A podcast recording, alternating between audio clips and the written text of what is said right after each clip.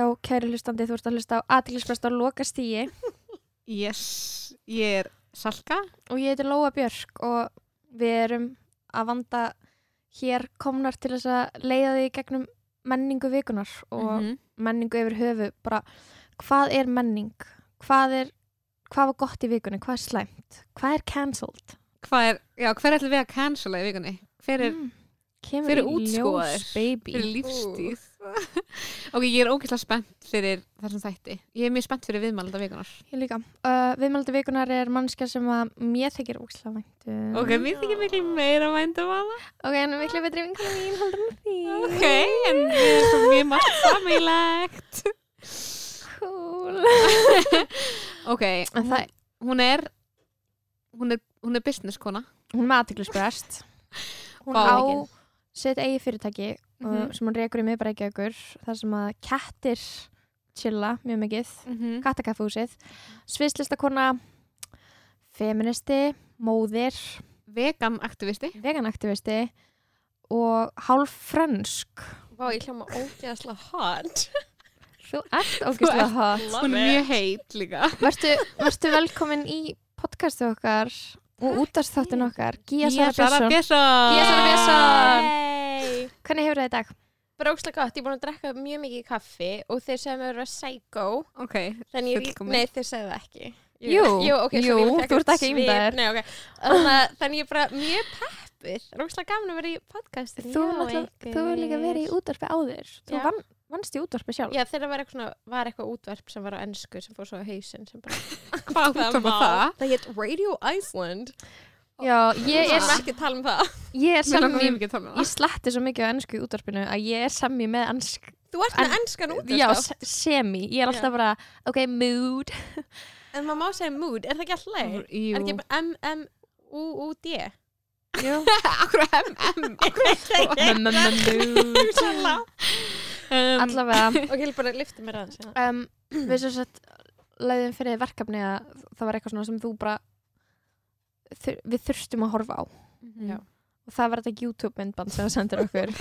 Anna, ge getur þú sagt okkur aðeins frá þessu? Af hverju, af hverju þetta er svona, stendur svona nála hjartan inn í dag? Ok, akkurat núna þá er ég eina sem ég gera að hlusta á podcast mm -hmm. og horfa TED Talks og hlusta á TED Talks podcast eða horfa á eitthvað svona lesta vídeo sem var að segja ykkur frá sem Mhm. strákur minn hlusta, horfa mikið á Veitu Á hvað þýsku. lestarvídeó er hann að horfa á? hann bara svona dýrka að horfa eitthvað að krakka á þýsku vera búa til að setja lestir saman anyway, ok, Ok, hann er Um, fimm ára, þannig að hann það er komið fram, skilur, hann er ekki já, en þú veist anyway.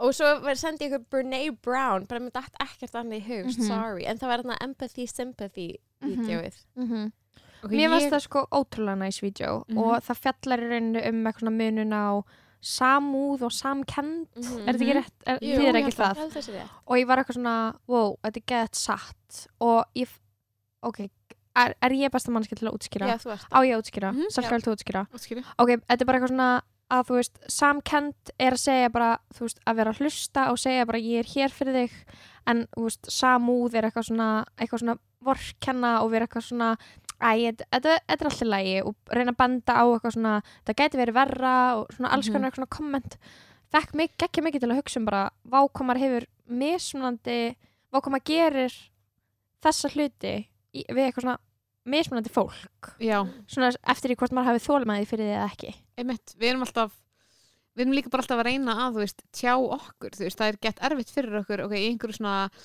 okkar samfélagi þar sem allir eiga að vera með eitthvað take, veist, við erum með podcast, við erum með eitthvað svona, þetta er það sem okkur finnst, take sjúkar, mm. að þegar að fólk er að lýsa einhverju vimman, að þurfa alltaf að koma með okkar eigin skoðun á því eða vera með eitthvað nýtt til að segja um það. Mm -hmm. þegar þú veist fólk þarf kannski bara á því að halda að maður hlusti bara og segja bara ekki neitt sko. ekki neitt og það sé bara einhvern veginn nóg til að vera til staðar. Mm sko Brené Brown er eitthvað svona mér finnst að ég er búin að horfa á gæðat mikið ég, þú veist, með henni skilur Já. og þú horfir mikið á svona hvað er það samt líka að horfa mikið á svona hvaða, Sko- hvaða sáli hjálp er fólk þetta er bara ég er tínd já, skilur þetta er bara það mm -hmm. Þetta er svona nýja, þú veist, mamma var alltaf með eitthvað svona sjálfsjálpabækur á náttborðinu. Þetta er svona nýja þetta. að horfa á 100%. YouTube Já. myndbönd þú veist, hún er líka bara rosalega mikið með svona sjálfsjálpar þú veist, það sem hún er að segja er ekkit endilega eitthvað nýjustu vísindi í heimi en hún er bara búin að pæla gett mikið í einhverju svona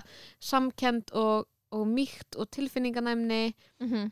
og þú veist, hún er bara svona að tala inn á eitthvað svona sem að er mjög tengjanlegt fyrir nútíma fólk núna, skilur við Vitið þið eitthvað um þessa konu, annað heldur en hún er, þú veist upphaflega einhver svona þú veist, hún er sálfræðingur og eitthvað svona þú veist, hefur verið að bara svona ráðleiki fólki, svona counselor og eitthvað svona Þa- Þetta minnir mig á þú veist þannig atriði í Wine Country þegar að En hún er, vinkona er hún Oprah ekki í er hún, er hún konan Wine í Country? Wine Country Er það ekki? það sem að það er eitthvað lappa upp að henni og er eitthvað svona oh my god, við erum með svo margar spurningar um sympathy og bla bla bla og já, hvað það er potið tú Ég Er held það að hún? sé hún, já. ok, það er svo gott atrið Það er óslega Oh gott God. Ert, atrið. elskar Wine Country Ég horfði á hann um daginn, mér finnst það mjög skemmtileg. ég eftir að já, það en mér. hvað skrýtna væp er samt í henni Ég líka veit það ekki. það er eitthvað sem ég get ekki pinpointað sem er svo weird Það er óslega weird. En mér finnst það svona Netflix weird. Fattur þau? Mhm. eins og til dæmis að öll myndin gerist eitthvað svona epic location í Cali, Kaliforníu Kaliforníu, ok, það var Mhm. loðalegt Mm. það sem allt í, allt í einu er þær samt fyrir frá green screen og það er gett ábyrrandi Já. þegar er hann að henda sér niður brekkuna Mhm. ég var bara ok var engin annar leið eitthvað svona, keipir mann að geta út pældi það ekki í þessu ég hef eftir að horfa á hana oh. ég er spennt samt. Hún er ekkert eitthvað það góð, sko. en finnst það eru samt allar bestu í henni Já. Og líka Brene Brown er, held ég sé í henni. Já, hún er í henni ég er búin að googla er það ok, Brown í Wine já, hún er Country í henni. Þú veist, já, hún er bara hún er algjör symbol líka mynd fyrir einhverja svona konur á þessum aldri, eitthvað svona Mhm. færtugar konur í tegurðkreppu sem eru bara Mhm. eitthvað já við þessu og þú veist, Mhm. það er bara, en það sem ég fyndi ég var að hugsa svona hver græðir á því að horfa á þetta að því ég var að hugsa svona að hún er mjög mikið að tala um einlegni og vulnerability, hvernig get ég Af einhvern veginn þýtt það? berskjöldun. Í rauninni Mhm. og ég var að hugsa eitthvað svona ok, ég er að horfa á þetta en ég er eitthvað mannski sem er einhvern veginn aktív, aktíft að hugsa um þessa hluti og hugsa um eitthvað ok, ég ætla að reyna að vera berskjöldi ég ætla, ekki, að- ég ætla að reyna að setja ekki veggi gátt fólki, Mhm. búin að fara til sálfræng skilur búin að, þú veist, stunda Vi- vinna vinnuna. málfundi, skil- fatti þú veist, þannig ég var eitthvað, ég er að horfa á þetta en eru allir sem horfa á þetta, þú veist, er einhver að horfa á þetta og, og, og fatta þessa hluti í fyrsta skipti, hún er að setja hluti í samingi veist, sem er bara mjög gaglegt, þú veist, þú horfir eitthvað TED Talk Mhm. það er einhver að setja hluti í samingi sem þú vissir kannski Mhm. en að segja eitthvað nýjan hátt, skilur Þetta er óslega næs innföldun. Já, Mér finnst það líka gott í eitthvað svona veist, samtali, þessi mýkt. Þú veist, Mhm. mér finnst það alveg næs að pæla í að því maður er, þú veist, allan mér finnst ég vera alltaf svona oft eitthvað. Er að, þú veist, þú? að hvæsa. Eða, þú veist, hugsunni mín er hvæs. Kannski er ég svona ekki að leika það, fattur já, En þannig þegar ég var svona að hlusta þetta þá var svona, æ, næs, þetta líka svona pínu að því ég á svona stundum erfitt þegar fólk er ósamal með, ég svona hata þau smá Mhm, og ég svona mhm. annarkvæmt segja ekkert og hata og Mhm. hugsa þau séu smá já. en þegar ég var að hlusta þetta þá var ég svona, ok, þetta er alveg næs það er alveg næs fyrir mig að muna þetta Já. Mhm. veit ég Mhm. Þetta er eitthvað svona dæmi sem að maður þarf klálega að vinna í Mhm. ef maður hefur sterkar skoðanir algjörlega og líka bara úst, ég hef í alvörunni bara gett oft pælt í bara er þetta eitthvað sem að bara eitthvað svona er það bara af einhverjum ástæðum sem að ég bara get ekki verið ósamlega fólki að hún að taka ég gett persónulega Mhm. en allir gaurar í kringum mig það særir egoið þeirra ekki neitt þegar þeir eru ósamlega í rifrildum og rökræðum Mhm. skilur við bara eitthvað af hverju þú veist, af hverju getur við bara bara gert mig geðið reyða með því að bara vera ósamlega verið gert mig reyða, ég er náttúrulega bara ábreið að vera reyð skilur við, en þú veist, meðan þú veist, stundir liðið mér eins og þetta sé sport fyrir einhvern annan, En ég held við svona, mér já. pínu bara eins og svona kvennmaður og kannski er ég bara svona algjörlega bulla. En mér finnst þess að bara sem að fæðist þá maður bara fá bara krítik bara í andliti, bara endalust eitthvað Mhm. hvort maður sé nóg duglur gera eitthvað, hvort maður sé það ekki og svo er bara að lappa um og það er bara endalust eitthvað póstir og myndum eitthvað kvennfólki sem er heitari innan geðslappa en þú og þú, veist, Mhm. þú átt að vera svona þannig að þú ert bara endalust í svona, svona í bara að díla við kannski svona sjálfskoðun Já. líka endalurs þannig að þú ert alltaf að fá svona, þú ættir vera svona, ættir vera svona, eitthvað svona Mhm. það er alveg nagandi þannig að þegar eitthvað kemur og bara opna munnin þá Mhm. færði kannski strax í smá vörn alltaf Mhm. mm ég bleið þannig Mhm. að það er svona, Þetta er Mér bara langar klálega samt ekki að vera svona. Nei ekki Mér langar að vera bara, já ok, við erum að rökraða um þetta og bara, Já. þú veist, svo lappa ég bara á heim og ég er bara eitthvað, ok, flott, við erum ennþá vinir en þú veist, mm þú samt, eðst Já, það er allt samt einhvern veginn tengt inn á þetta eins og hún er að tala um sko, ég skrifaði bjærigerna mína um mýkt. Uh, lurf. Nice. sem er bara, sem er eitthvað svona konsept sem er að nota einhvern veginn veist, ég er náttúrulega að skrifa um sviðslistir, en þetta er eitthvað svona mýkt sem eitthvað svona eiginleiki, er einhvern veginn mjög mikið svona á uppleið heiminum að því að hugsa um Mhm, eitthvað svona Mhm. hugsa um eitthvað Greta Thunberg sem er eitthvað badd með fléttur og hún er úrslega kjút Mhm. hún er í gulri rekkápu hún stendur fyrir eitthvað svona hún stendur fyrir einhverju svona þú veist, vonar baráttu skilur og hún er, þú veist, á sama tíma ákveðin og hún er, þú veist, það er mjög mikil mýkti sem hún er að gera, skilur Já. af því það er svona einhvern veginn, ógislega óofbeldisfullt Já. má Já. segja það bara 100% og þú veist, það er hægt að vera ákveðin og mjúkur á sama tíma, þú veist að einhver, einhver fyrir að tala við og þú verður að reyður yfir því sem þau eru að segja, þú veist, mýkt er ekkit endilega að þú andstæðan við reyði eða já, hvað það er Já, ekkit ok. endilega að þú takir öllu eitthvað, Mhm. þú veist eitthvað þegjandi, eða neitt já, þannig, þú já, veist já það er miklu freka bara eitthvað svona ok, ég ætla að sína sjálfri, þú veist, sjálfri mér eitthvað mýkt, þú veist, eitthvað mildi þú veist, þú og þetta self-care koncept, þú veist, Já. það er bara 100% það, bara sína sjálfum sér einhverja einhverju svona Mhm. mýkt og mildi og einhvern veginn ekki dæma sig og sama gagvart öðrum, skilur og þú Mhm. veist, þú getur samt alveg náð einhvern veginn ímsu fram með því, sko og þetta er bara Mhm. svona eiginleiki sem er í andstöðu við svo margt sem er eitthvað svona, vera harður kallmaður, skilur þú veist, Mhm. með einhver kallmennska og þetta, þú veist þetta er bara að verða svo þreytt þú veist, þetta er einhver, einhver hugmyndir sem að allir eru að verða þreyttir á því að þú veist, bara orðið sem að bara orðið ársins 2018 var hérna kullun í starfi nei, kullin í starfi er ekki ljósmóður samt einu Það var eitthvað fallegasta orðið. íslenska orðið á Var kunnum í starfi ándjóks ár? eh, orðið? það var eitthvað svona það buzzword nokkrum árum að vera fössari ársins. Já, Fessari? nákvæmlega, við erum komin á verri staði það var það fössari var fössari og Nú svo var það kullin kullun í starfi við erum bara, eða, þú veist, við erum einhver endastu með þetta, Já. skilur við þannig að þess vegna brennir brann svona vinsæl því að hann bara, hún er að segja einhver hluti sem við bara erum að elska að heyra sko. Mhm.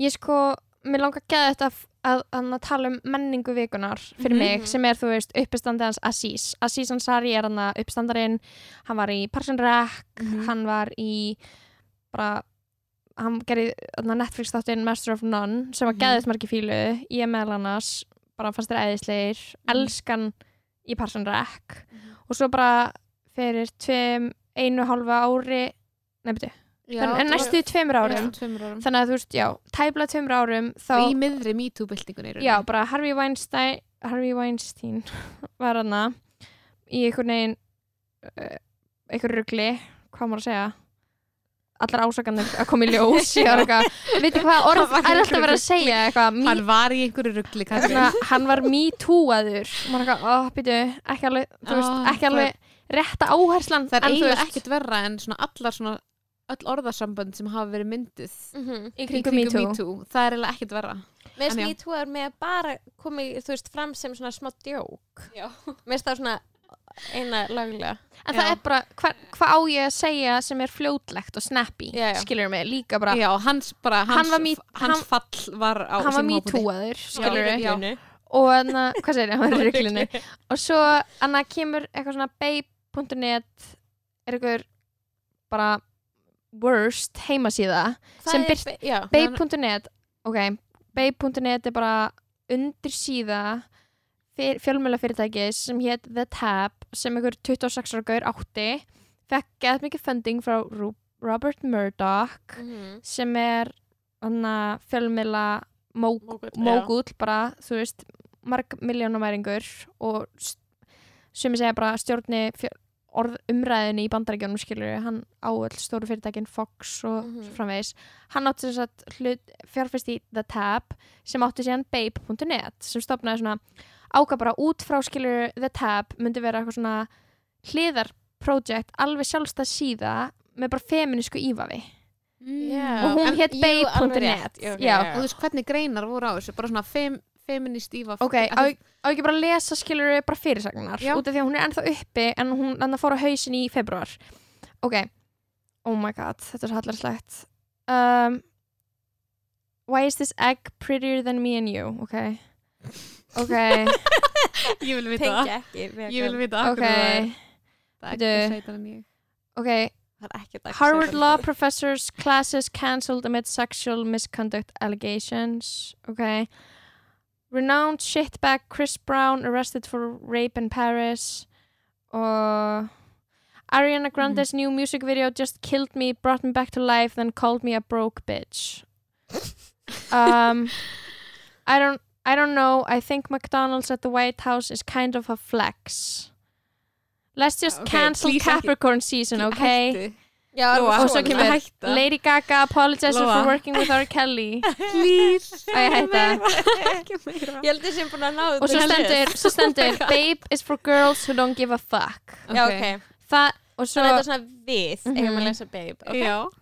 Já það. er alveg stílaðin okkur Ok. ok, það er bara, þú veist, það eru sögur um bara kynferðsárati það eru, þú veist, bara eitthvað útlits anna, umfjallanir þetta er bara allt, skilur við Mhm. og anna, bara svona bara pík 2018 feminismi Já. og anna, en, en þú veist, í rauninni í eigu Robert Murdoch. Elska Bla. 2018 feminismi sem þing en það er bara síðasta ár. Klálega, sko. Og ok, svo las ég eitthvað grein um babe.net og vinnust það menningun þar. Ok, hún var bara toxic as fuck. Bara Ok. yfirmaðurinn var bara að þú veist sofa hjá okkur um nýjútskrifum stelpum og ráður í vinnu og svona eitthvað. Þær voru eitthvað róstaðar á vinnustæðanum bara oh fuck on the first day of the job. Eitthvað congratulations og þú veist allt einhvern veginn vinnustæðalíf mergeast við jammið mega fyllir í mergeast við eitthvað svona, eitthvað svona sofa saman og eitthvað svona yfirmenn að sofa í undirmönnum og yfirmenn í rauninni tveir kallmenn sem að þú veist voru ekki einhvern veginn veist, ekki, þeir voru ekki þú veist, teitlaðir sem eitthvað svona höfundar inn á svo Mhm. síðu þeir eru bara gaurarnir með fjármagnið og þú veist, svolítið svona drífið áfram og ráða til sín, þú veist, penna og hjálpa til að skrifa greinar voru alltaf að pizza greinum á gælunar sem að þú veist var bara svona alltaf eins og þú veist konur obsessed á því að ríða gaurum feminismi, Mm. bara eitthvað svona allt, og ótrúlega, Það er svona mjög já, 2018 Já, þær voru einhvern veginn, þú veist, að voru að tala um það, konuna sem unni á bay.net, bara eitthvað, ok, þú veist, þetta er óslega þreytt og svona male, eða svona kona í gegnum einhvern veginn male gaze líka, skilur, Mhm. bara konur sem elska að ríða og Já. þú veist, og eitthvað svona, það, já, basically var þetta bara ógæslega löng grein um bara vinnustæðmenninguna og hún er bara ógæslega súr og stelpan sem skrifaði greinina um deytið sem að Aziz fór á Ok, en Þetta- ef við ekki veist greinina aðeins Að Jú, þú veist, grein- fara aðeins yfir þetta því ég man eftir þetta var bara svo rosalegt þegar þetta kom Ok, já, einmitt. Greinin er bara hennar fyrstu personu frásögn af því hvernig það var að vera á stefnumvöndi með Aziz Ansari. Mm Mhm. Þau hi- hittust í einhverju svona celeb partíi, þú veist, annarkvæmst eftir Emmy-velunin eða eitthvað þannig. mm Uh, chilla saman, hann býður hann á date, þau fara, fara eitthvað saman, henni fannst hann bara vera gett, hún upplega hann sem gett bossy og stjórnsaman og þú veist, ekki taka við neinu hindi að hún vildi ekki vera í svona miklum sleik, þetta var bara svona grófur sleikur, Mhm. bara svona eins og vera alveg að fara að ríða og eitthvað hann að snert hana og hún að vera eitthvað þú veist, eitthvað, ég er ekki alveg í stuði og þá eitthvað svona hætt henni smá stund og byrja sér aftur og hún eitthvað fór heim á endanum, skilur við og leið gett illa daginn eftir og svo, þú veist, gælan sem skrifa þetta er, var 22 ára bara Mhm. svona basically ekki með mikla reynslu sem blaðmaður og hún var alveg eins mikið og, þú veist, Aziz lendi veginn náttúrulega geði ykkur vesinni, þú veist og var smá cancelled, skilur við þá lendi þessi stelpa sem heitir eitthvað Katie Way líka, þú veist, hún var líka cancelled sko. Bara þú veist, það var, já, var alveg svona eitthvað 50-50 skilur við, Mhm. bara þetta gett óabyrt af henni en þú veist, svo var aðri bara eitthvað já, ok, þú veist, breytir ekki þeirri staðarenda að Caesar creep, Mhm. þú veist. Þetta er greinin, basically. Mér fannst þetta, þú veist, svo áhugavert að því að þegar ég las þessa grein þá var ég svona, vá, þetta eru samskipti sem maður þekkir svo vel og eru svo slæm og eru hluti af þessu MeToo vandamáli en þetta er enga veginn að veist, skalin er svo stór mér finnst Mhm. skalin ógstlega stór á milli að vera Harvey það er Weinstein. og máli er þú veist að oft þá er svona pínu eitthvað bannað að vera að tala um að skalin sé eitthvað ólíkur með ekki bera þessu hlutir saman en veist, en máli er bara að þú veist, þetta vandamál sem er eitthvað svona búið að vera í gangi bara í aldir sem er eitthvað þú veist, hvaða hallar á þú veist, hvað mikið af kallmönnum eru með einhverja brengla sín á kynlífi eða valda jafnvegið milli kynjana er einhvern veginn þannig að það er fullt af Mhm. köllum sem er svona aðstöðu sína og þannig Mm. en þú veist, skalin á því er úrslega stór og það getur, Mhm. þú veist, og þetta er bara svona hluti af einhverju af skrýmslaveðingu, skilur Mhm. að vera bara eitthvað, ok, veist, það geta fullt af fínum gaurum farið í mörsk út af því að þeir, þú veist, veit ekki eða kunni ekki einhvern veginn að, að þú veist, Mhm. á þessi samskipti Mhm. og þú veist, og þá er ekkert það með sagt að veist, ábyrðin sé ekki á þeim skilur en þú veist, Nei, en svo er samt líka, ok Vá, svo erfitt að segja hluti um þetta að þegar maður er líka eitthvað svona, ég hugsaði líka bara eitthvað, ok, ég hef upplifað svona samskipti Já, þar sem að ég er bara eitthvað, vá, mér langar ekkert að vera þetta og þú Mhm. veist og þau samskipti, þú veist, ég hef átt samtali vinkurum minn þar sem ég er eitthvað, á, á ég að þú veist, tala um þetta sem eitthvað eitthvað, einhverja árás á mig eða áreitni eða mm. nöðgun eða eitthvað þannig Mhm. og þú veist, svarið við því er bara ef að þú upplifir þannig, skilur þá, þú veist, ef það er farið í mörkin og þér líður illa út af því þá er það mjög legit en svona, Já. í þeim aðstæðan sem ég var þá hafði það ekki þau varlega áhrif, skilur Mhm. Ég held að það sé svona mun, eða, veist, eins og við vorum að segja áðan áður en við byrjum að taka upp Mhm. þú veist, þetta er svona pínum að það vera svona mómentið sem hætti að vera eitthvað me too og alla konur standa saman og byrja að vera svona sömur sem byrja svona að droppa út þegar að síðan ansari Já. Já, bara nú það var það langt, alltaf eitthvað og mér fannst þess að það vera svona við, veist, ég ætla að segja við en mér fannst þess að vera ekki það margir sem voru ennþá eftir þegar það var í gangi mm. -hmm. ég hef lent í þessu vinur minn hefur gert þetta en, en, en ég held sko að þú veist ég held að einhvern veginn skoðunum sem ég er með núna sem ég held ég svo svona frekar vissum sambandi Mhm. við Asís er bara eitthvað svona hann er ekki predator sem við þurfum að cancela og menningun okkar. Já, já, veist, er, ég held ég bara svona ég held ég bara með við einhvern veginn þess grein og hvað er síðan búið að gerast síðan þá er ég bara eitthvað þetta var þetta. Við erum ekki að tala um þú veist, kynferðisafbrotamann sem er bulli, sem að stjórnar öllu og bara, þú veist niðurlega er allir kringu sig. Ekki að segja að það þurfa að vera það gróft skilur Mhm. til þess að við hlustum á konur en ég bara eitthvað veist, en við fannst samt bara svo líka svo legit að þessi saga kemur fram Já. sko, að því þú veist, kannski var hann einmitt sett fram, veist, kannski, það geta alveg verið einmitt, þú veist, segja, þú veist, það er rauninni komið ill út fyrir þau bæði, Mhm. en þú veist þessi reynsla, þú veist að fatta bara eitthvað bara, þú veist, þú getur verið bara 25 ára og verið bara eitthvað svona freka vissum mörkin og þannig og svo ertu bara gett oft í aðstæðum þar sem að þú ert eitthvað, mér langar ekki að vera hérna, af hverju er ég hérna, þú veist, mér finnst Mhm. við þurfum að tala um klálega þú veist, þessar þú veist, reynslur, það sem þú ert bara eitthvað þú veist, Mhm. einhvern veginn þú heldur að þú vitir en þú veist, séu, þú veist, mörk sem er verið að fara yfir og svo fer einhverju við mörkin og þú einhvern veginn kannt ekki alveg að nefna út af því það er ekki nóg alvarlegt, mm fattur þau mhm, og þú veist, og mér finnst alltaf að tala um það það er allt annað, mhm. þú veist, það eitt að vera eitthvað svona að ræða það og vera eitthvað svona, ok þú veist, mér var þetta ekki lægi en, en ég ætla samt bara, þú veist finnst ég ekki þurfa á, á einhverju annarkvæmt áfallahjálp eða meðferð eitthvað þannig að halda en þú veist að, að því að þú veist samskipti kynjana og bara samskipti fólk sem er eitthvað á einhverjum, á einhverjum kynferðslegum grunni skilur þau eru svo alls konar. Mhm. mér fannst alveg mikilvægt að þú veist tala líka um þessi samskipti. Já, einmitt, en ég var bara eitthvað svona ó, ég veit það ekki. Bara á- eitthvað, eru við allar þú veist, er meik, meikaði, þú veist, sans að taka umræðina svona einhvern veginn, eitthvað er Asís jafn slæmur og út í allen og bara eitthvað svona þurfum við að cancela hann til þess að, ég fannst það svo mikið svona að koma frá hinum svona, hin, svona Sem- anti-MeToo liðinu ok, finnst núna mér ekki, fannst allir Salka. sem Inn ég inn á Twitter, ok, sorry ef þú upplega þannig, sorry, en inn á Twitter það er ógeðslega mikið af fólki sem er ennþá á mótmælunum sem er MeToo Mhm. fólk Mhm. en mér varst flestir í kringum mig vera eitthvað svona, já, þetta er mjög, þú veist mm við erum lendið svona gaur og það er bara creepy og það er, þeir ættu ekki að vera að fara yfir þessu mörg, þeir ættu bara að kunna betur Mm. á samskipti ef þeir ætla að vera in the dating game, En skilur það er Mm. líka pínu það sem ég veist, er svona gætt mikilvægt svona, ef þú upplifur sem creepy það þýr ekkert að hann sé að fara nöðgar eitthvað svona Mhm. þannig gróft mm -hmm. en ef ef upplifun er til staðar þá, Mhm. þú veist, er það alveg nóg til að sé nóg ógvikjandi að þú mátt alveg bara kansla 100%. mannskina allavega þú mátt líka alveg, já, þú mátt alveg, þú veist, kóla það út og Mhm. líka bara eins og með hann, þú veist þetta var líka bara veist, þetta var bara moment það sem sauð upp úr með þessu Mhm. hluti, skilur Mhm. þú veist, það sem að maður var bara eitthvað, ok það sem maður bara eiga eitthvað, við vissum í rauninni að eiginlega allar konur hefur lendið ykkur sketchy frá hendi kallmanns sem er Mhm. ridiculous, þú veist, Mhm. pæliði bara allar konur sem þekkjum hver eina einasta hefur lendið einhverju sketchy hegðun Mhm.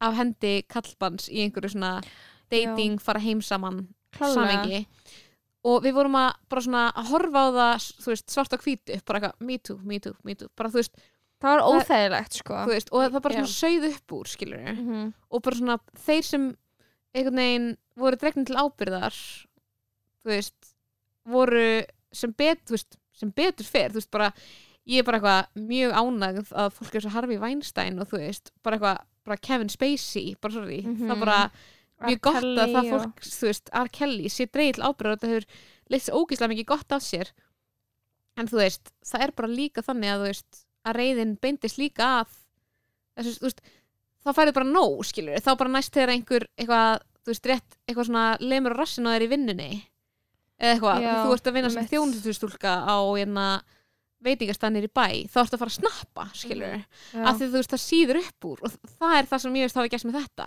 Með Aziz. Já, og, og það hefur ekki endilega með hann að gera því að alveg eins með gæjan sem eitthvað slæra rassina á því daginn eftir hann er rauninni bara MeToo. byrtingamyndin Hann er bara einmitt. Þú veist, þannig að hann allt í einu verður byrtingamynd fyrir alla hina sem, og það er það sem gerist og þú veist, ég veit ekki hvort að mér finnst endilega eitthvað gett ósangjant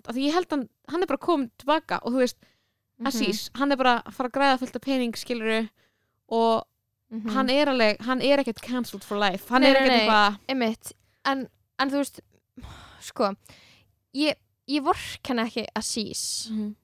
en ég bara mér fannst bara eða, þú veist, mér fannst þetta bara svona gett flókin staða til að vera í að vera eitthvað ó, a- Mhm. að vera eitthvað að spyrja mig hvort hann vera góður eða vondur Já, Eitthvað það er líka málið þessi, flokk, þessi, veist, þessi flokkun í rauninni bara, ok, þú veist það er frekar auglast fyrir mér að Michael Jackson, Woody Allen R. Kelly, uh, Kevin Spacey eru Mhm, ógislegt fólk, skilur við mhm. sem að nýðast á minnum áttar. Og Mhm. það er engin, spurning, engin spurning fyrir já, veist, það er engin spurning fyrir mig að veist, ég er ekki að fara eitthvað peppa á meira, skilur við Mhm. það er bara, það, svo, þeim kapla er bara lokið, skilur við Mhm, og ef mér langar að hlusta Michael Jackson heimi á mér, þú veist, þá bara ger ég það. Whatever, í rauninni, skilur við en mér langar það bara ekki. En, en þú veist, með Aziz ég gat ekki sett hann ég, ég gat ekki sett hann góður eða vondur og þú veist, það var gett flókið, Mhm. skilur við Það. En það er líka málið, þú veist, mér finnst við ættum ekki að vera með þá flokkun á þessu. Því að ef þú setur þetta bara í góður og vondur þá trúir því ekki þegar að skilur einhver sem að þú ert búin að setja í flokkin góður mm sem þú þekkir -hmm. nöðgar einhverjum, en það er bara þannig. Þú veist, góðir, góðir strákar geta nöðgað, skilur, það er bara það er bara staðreind, þú veist, og ég held að sé betra fyrir okkur ef við getum í rauninni fyrirgefið á einhverjum forsöndum, skilur eins og eitthvað svona, þú veist að síðan sagði, ertu ekki að tala um að hann talar eitthvað um þetta í Jú, Netflix, hvað fannst þér um það? hann talar þú Í hann, adressar þetta í þessum nýja Netflix þætti sem heitir Right Now og er komin á Netflix sem er bara klukktíma langt stand-up. Og hann hana, fer niður einhvern veginn sama veg og hann, hann Gatsby í hana, þættinum sínum. Mhm. þú sá- sást Í þú hann ekki í Nanette Já. Þegar hún bara fer á Trúnó skilur og bara breykar grínið hann gerir það en ég bara, ok, ég ætla að útskýra hvað hann gerði en líka mæli ég alveg með því að fólk horfi Mhm. til þess að skoða þetta en ég líka spyr mig gett þú veist, nú er ég kannski að vera gett skeptisk á feminista og íslenska feminista og eitthvað en eru feministar, þú veist, finnst ykkur eins og eins og hlutinir eru núna að við tökum við afsökunarbænum skilur, frá fólki, vitið þið hvað við Mhm. ef að Já, hann já. er allt í hennu bara, ok nú ætla ég bara, þú veist ég er að stíga aftur inn í sviðsljósið og ég er Mhm. bara eitthvað gerði þessi mistök, bla erum við þá bara, já, en þú gerðir þetta eða þú veist, er fólk Já. tilbúið Þú veist- ég var gett hugsi, skilur, í gær ég var bara, ok, hvað ná mér að finnast þetta ég held þú veist að það sé svona bæði og og það sé alltaf lægi, ég held maður þurfa alveg tíma fyrir það, alveg sem Mhm. með Louis C.K. mm Louis C.K. að gefa út einhverja afsökunarbeginni daginn eftir að þú veist það búið að koma í ljós og er bara, afsökunarbæni í er heimi hann er er cancelled for life sorry, þú veist það er alveg fátt sem hann getur gert til þess að fyrir mér væri hann bara eitthvað bara út af því að þú veist, bara svona líka hann er náttúrulega búin að vera að gera stand-up þar sem hann er bókstæðlega orðin allt right hann er Mm. bara að gera eitthvað stand-up þar sem Já. hann er bara allir eru svo viðkvæmir og eitthvað svona Aziz er nefnilega góðu gaur Já, en ég Hann er- sé skilur, já. mér finnst alltaf lægi ef að þú segjum að sí- sísa með einhverja afsögnarbyrni núna. Mér finnst alltaf lægi að líka mannskjan sem tekur við afsögnarbyrni sem er annarkort sem er sko að mörgu leiti bara women. Aðdáendur. Já, já, fólk sem trist honum í já, rauninni. fólk tristunum og Já. finnst það einhvern veginn sveikið pínu af þessu. Já, þeir eru pínu svona ímyndar sveik skilur a little bit, yes. Mér finnst alltaf lægi að fólk takir sér bara svona smá tíma já. En mér finnst líka bara gott fyrir fólki sem var einhvern veginn, að hann er bestur þótt hann hafa gert þetta að hann sé samt að gera eitthvað svona afsökunarbeðni Já, nákvæmlega, að þú veist það fólk líka sjá af sér að það hefði ekkert verið í lægi að vera bara eitthvað, hann er bestur, Já. skiptir ekki máli hvað hann gerði ekkert ránt, hann er bara sjálfur eitthvað að segja Já. að það var gert eitthvað ránt. Það er nefnilega svona- geggja og það Já. fyrir þú veist þ- að- eins og Louis C.K. það sem hann ákvað að gera er að hoppa á vagnin hjá fólkinu sem er eitthvað fuck these, these guys þú, veist, þú, þú ert ennþá meistari og þú er svo fyndin og mér er alveg sama að þú, þú sett ekki PC eitthvað svona, Mhm. skilur Mhm. hann ákvað að stökka á vagnin með því fólki af því að þú veist, fatti það er raunin það sem hann gat gert er eitthvað annarkort að vera gett auðmjögur og vera eitthvað svona eða bara vera eitthvað, fuck this, þú veist, ég er búin að gefa út afsöngum en ég ætla ekki að gera meira fyrir ykkur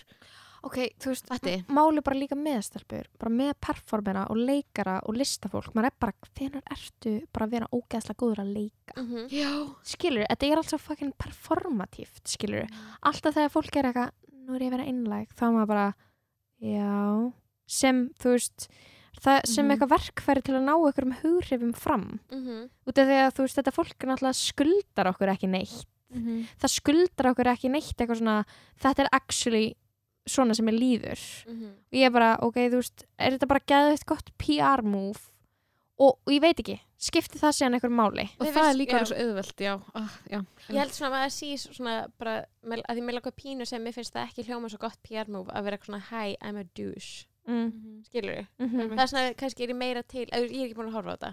Ok, en til ég að gefa svona aðeins meira svona Hann- leniency. hann byrja bara á því að segja bara eitthvað hæ, eitthvað svona takk fyrir að koma. Segja hann hæ já, hæ, takk fyrir að koma. hvað sér hann? Hann- svo. Uh, ok. for koma. hann sko vill, hann vill bara geta öllum áhrendur, hann er bara hei, þú veist, þið komuð og mér þykir gett vænt um það. Út, og þú veist þá er allt málið skilur að, að, að þú veist, hann var næstu bara búin að þú veist, missa einhvern veginn allt. Og hann er svolítið svona, hann veit bara að fólki sem mætti hann það er bara loyal fans. Mhm. og hann er smá bara að segja bara, mér þykir ókslega vænt um það. Mhm. þá var ég eitthvað svona uh, skilur, og svo er hann eitthvað svona ok, þú veist uh, ég er búin að hugsa um þetta mjög mikið. Og eitthvað þú veist, ég veit þú veist, það, þetta var hræðilegt þetta var, þú veist, þetta var erfitt, skilur, mér leiði rosalega illa en þú veist hann einhvern veginn segir úst, það er alveg einhver búin að pota í þessu orð skilur, hann segir bara, ok, þú veist þetta gerðist og ég held bara að þegar allt kemur til alls að það hafi bara verið gott að þetta gerðist Mhm. að þetta kemur sérst allt í ljós Mhm. og bara segir bara það var góður hlutur við þurftum að taka þessu umræðu og bara svo eiginlega segir hann eins og ég skildi hann einhvern veginn að PC-kúltur einhvern veginn hafa ekkert gengið of langt skilur, hann er bara eitthvað þú veist, þetta er bara í góðu lagi skilur, við Mhm. erum bara þetta er bara stemmingin í samfélaginu og þú veist, það verður bara í lagi með okkur þrátt fyrir það Nú er næs. já, En kannski líka bara svona í öllu svona það verður gott að vita hvort það sé sálfræðingur sem býr á bak við ykkur afsökunarbæðin eða PR team. Já, og um leiðum Mhm. að fær bara, þú veist, að vita maður er eitthvað svona, Louis C.K. fekk eitthvað PR gæja. Og að ég held að hann hefði bara gert þetta sjálfur ég held ándjós að Louis C.K. hefði skrifað afsökunarbenninu sinni Já, sjálfur hann bara eitthvað I'm sorry I showed you my dick. It was inappropriate of me to show you my dick. oh my I shouldn't have been showing my dick. Hann segir bara dick í hverju einustu setningu Ah, eða cock eða eitthvað. Ég held að segja dick. hann var það hann, var Hann er með eitthvað svona þannig dæmi. Ok, og svo þarna uh, verður hann, er hann bara gett meir í öllu stand-upinu. Aziz, ekki Louis C.K. Aziz, ekki Louis C.K. Aziz er bara hella emo ok og er bara eitthvað, hann segir bara eitthvað, þú veist, hann er verið smá attractive in my eyes Aziz. já, þú veist að segja hann var hella emo þú veist alltaf Sko. Aziz er alveg gauð sem þú veist, ég væri alveg til að vera með skilur hann er alveg bara celeb crush, skilur svo hann danska kæristu? Mjá wow. er það mjá? já, út af því að ekki er svo jú, bara, ok. Danmörk er svo nált Íslandi hann gæti basically gæti byrja með mér. Nei, hann, er með, með eitthvað. herranuðinum basically. Já, oh man. Ok, þú ert eitthvað þræll og þú veist, hann er mest að leiði já start an affair mm. íslenskum Mm. ok, we're treading so ekki hætta. Allavega. Já, en þú veist, ok, er samt nýja svona stand-up núna, ok, að því að það var algjörlega groundbreaking þegar að Hanna Gatsby var með Nanette og verður bara allt í henni bara, heyrðu, ok, þetta er ekki stand-up, þetta er real talk. Mhm. Og þetta er svona- ekkert nýtt. Mm, sorry, ok það, Nei, nei, nei. Jú, eitthvað, ok, sjónarhörnið hennar hennu Gatsby Það það er nýtt. Já, já, já. En, en fólk að segja bara í stand-upi ok, nú þurfum við að real talka. Ég held að Algjörlega. það hafi alltaf haldið smá í hendur. Mhm. Já, það er auðvitað. Þú veist, þú ert alltaf líka eitthvað svona að reyna að segja eitthvað sannleik og þú ert, þú veist, og er mjög oft pólitíst, skilur eitthvað. sjúklega politist en hérna, er núna bara eitthvað svona erum við að fara að fara að sjá eitthvað svona runu af þessu. Uppistöndum I það sem einhver er að ég vil byrja á að tala með ykkur um eitt sem gerðist sko. Já. ég held að ég leggja ekki alveg í það sko. Nei, mér Nei. líður ekki þannig sko.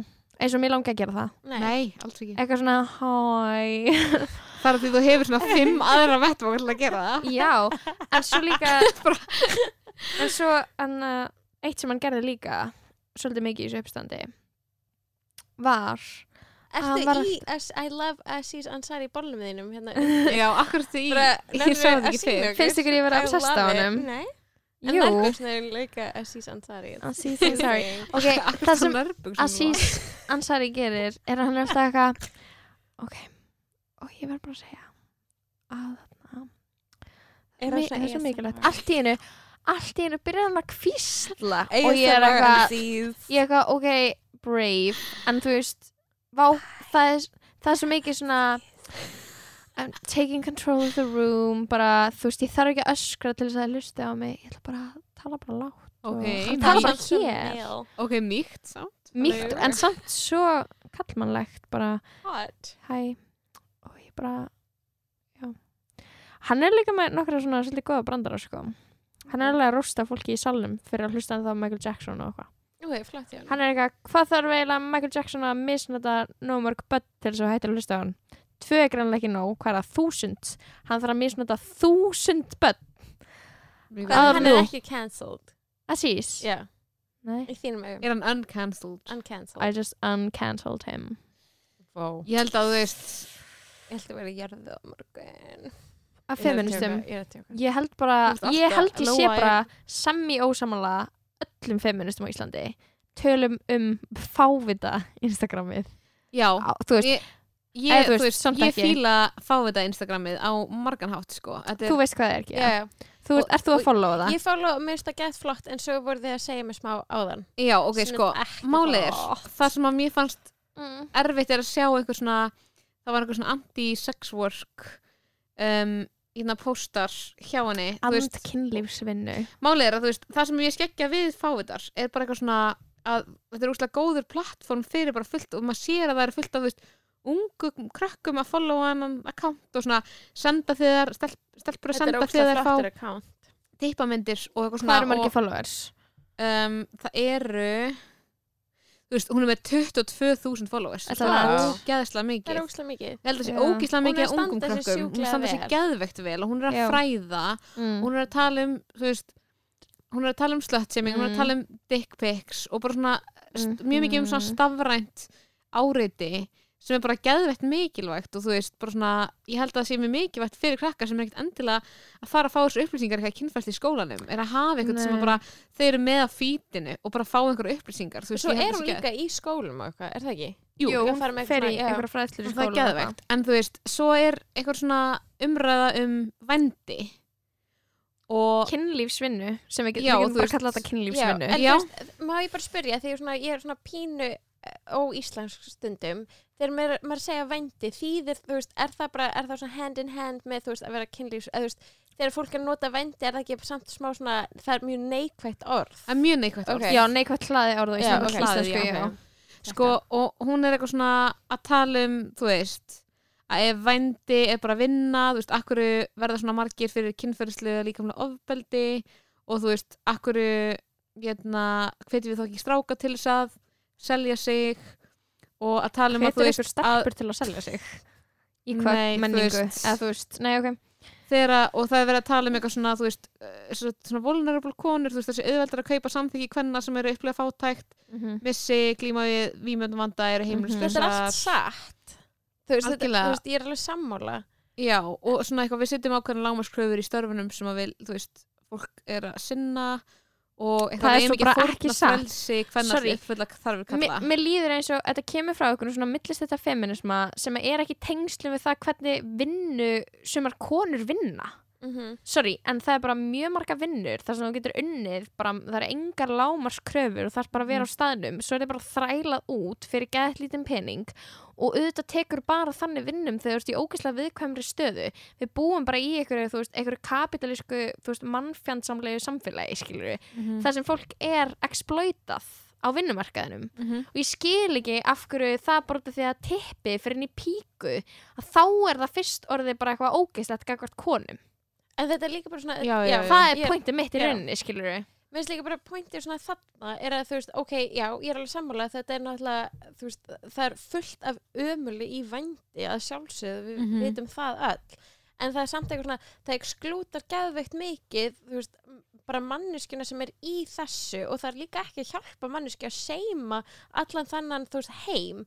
Og hvað er þetta eitthvað strippari eitthvað starf á eitthvað næ strippbúlu og líður bara gett vel og veist, Mhm. ég er ekki að segja líður gett vel, veist bara líður bara einhvern veginn líður einhvern veginn, ert manneskja Mhm. Já. að upplega mánudag og föstudag Mhm. þú veist, mér finnst þetta að vera svona eksklúta geðveitt mikið þessa pælingu þú ert líka bara að taka einhvern hóp kvenna sem vinnur einhverja vinnu setja alla undir sama hatt Mhm. og taka raunin af þeim sjálfræðið Já, og bara ég er ekki að tala um fólk sem er salt í mannsal nei þú veist, það er annað það er bara eitthvað glæpur skilur við, kynlífsvinna er bara manneski sem hefur atvinna af því einhverju sem tengist kynlífi það getur verið klám, það getur verið þú veist, og mér finnst bara geðveikt skrítið eitthvað svona kristið siðferði fá veginn að stjórna því hvað skoðun þú hefur á atvinnu kvenna og bara eitthvað, mér þarf ekki að finnast að nett að vera vændiskona en af hverju, af hverju þarf ég að segja það sé út af því hún var traumatæst í æsku Mhm. það er basically að segja að konan, konur sem vinna þessa vinnu hafa ekki sjálfstæðan vilja Mhm. og gerir hluti bara út af því einhver annar maður rústaði lífið þeirra þegar þau voru, eða þú veist, Já, Mhm. ég les Sorry. það einmitt líka bara svolítið þannig að þú veist, að þú sért að segja bara að þá konur sem eru fátækar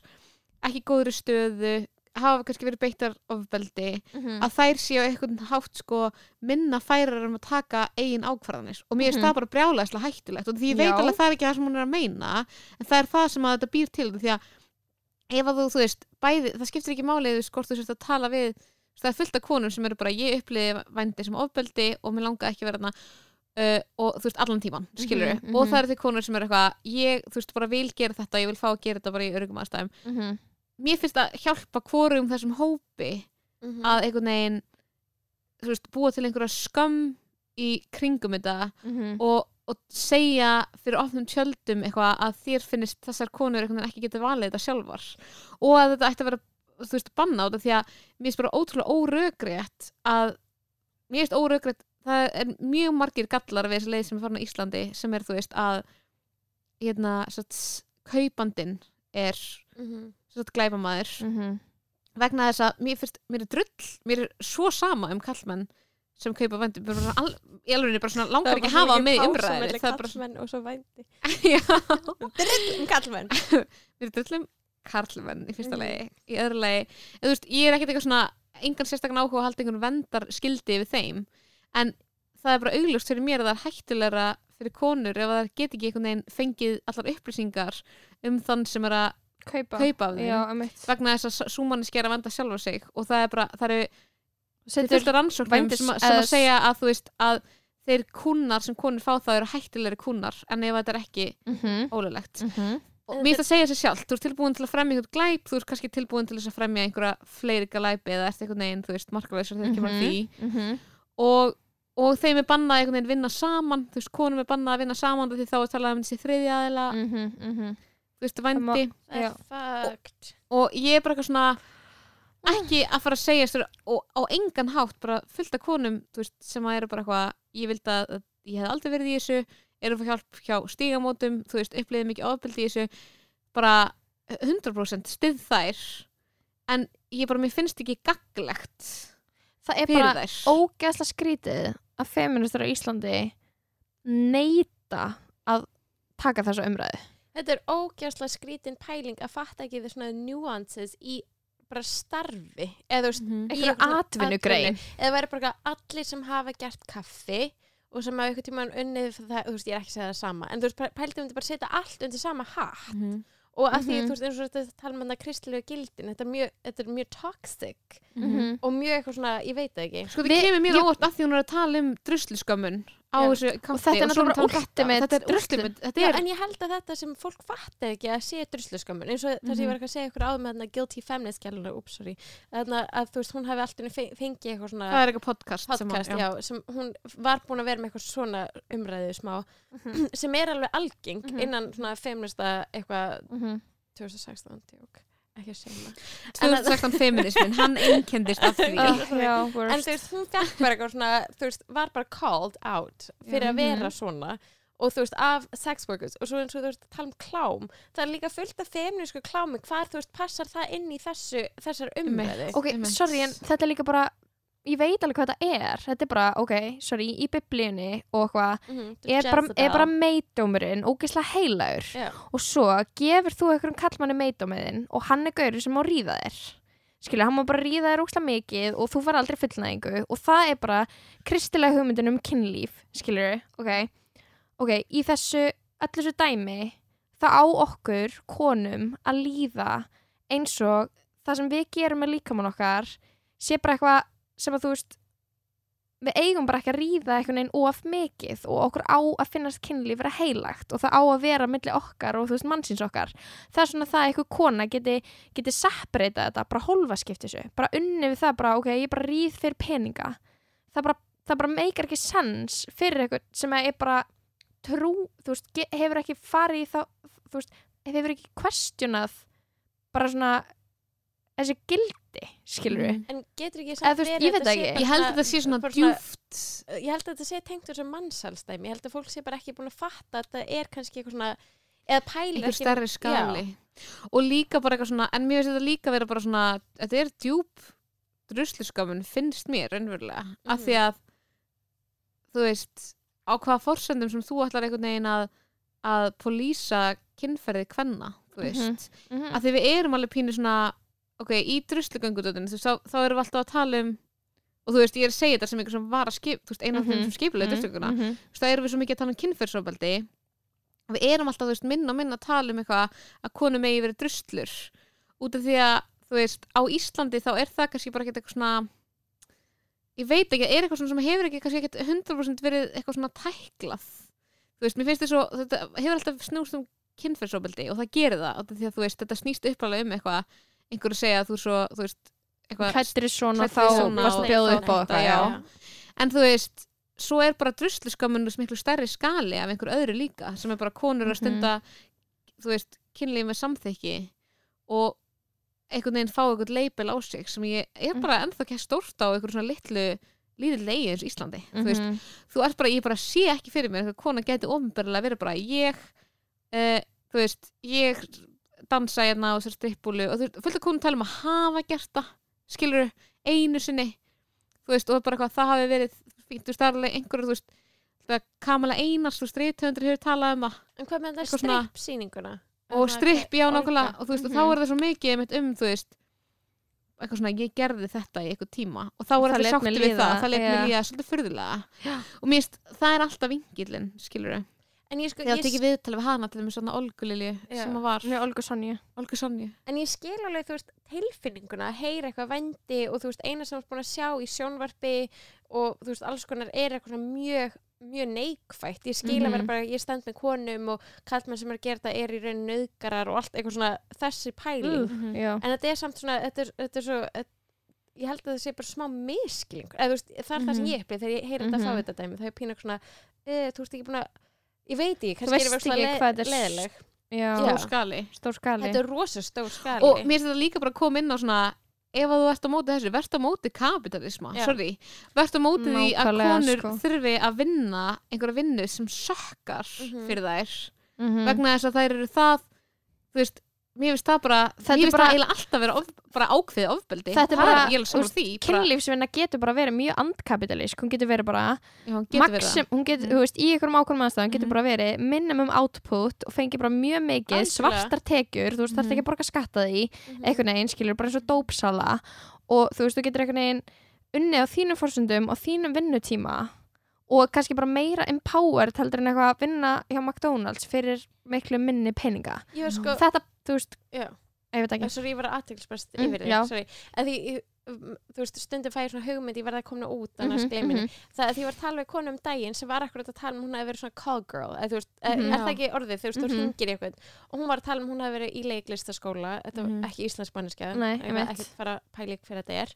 En þarna og hún hefði bara elskað þetta því þú veist, hún mátti bara hvena sem er fara inn í eitthvað svona dæmi og hún var bara alltaf Í hlutverki. í hlutverki Mhm. og hún var bara að æfa sig Mm. geð mikið að vera bara svona öskra og þú veist búa til eitthvað senur og henni fannst Nákvæmlega. það geðvikt skemmtilegt hún sagði að það fengi bara geggja mikið pening kom sér gegnum skólan og hún var bara Mhm. að fá ég þurfti ekki að vera þjótna okkur þú veist, á okkur bar þar sem okkur gaurar reynum við. Það er bara gauð sem bara fá þau í símanum og ég er bara eitthvað, ég er í rauðum hælum. Þú veist, það hljómar alveg bara geð skemmtilegt. Ég er ekki að segja þessi allt þannig en talandi um það miklu meira svona anarchist movement heldur en að vera eitthvað ok, ég ætla bara að taka þátt í þessu samfélagi af því ég Já. er alltaf kristil og góð Já, já, nokkulega Ég var mjög Vá, sammála. anti- feministar á Íslandi eru cancelled. Uh-oh. First er ég cancellation. Uh, nei, ég er með ykkur.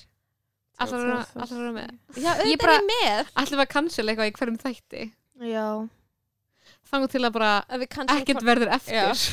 Við þurfum Við þurfum að bara að cancela Lóu Oh my god. Ok, kannski þurfum ég að cancela Lóu ef það verður mjög mikið backlash fyrir, eftir þennan þátt. Já. Þá, þá get ég kannski bjarga mér með því að cancela Lóu og láta eins og þetta hafa alltaf Já, þetta verður allt svona barnspil En ég held að þetta sé samt bara, þú veist, að því mér langar að fara aftur í þetta eitthvað svona feminist klám. Þú Mhm. veist, ég er að, þannig að follow Erika Lust á Instagram, er það að follow hana?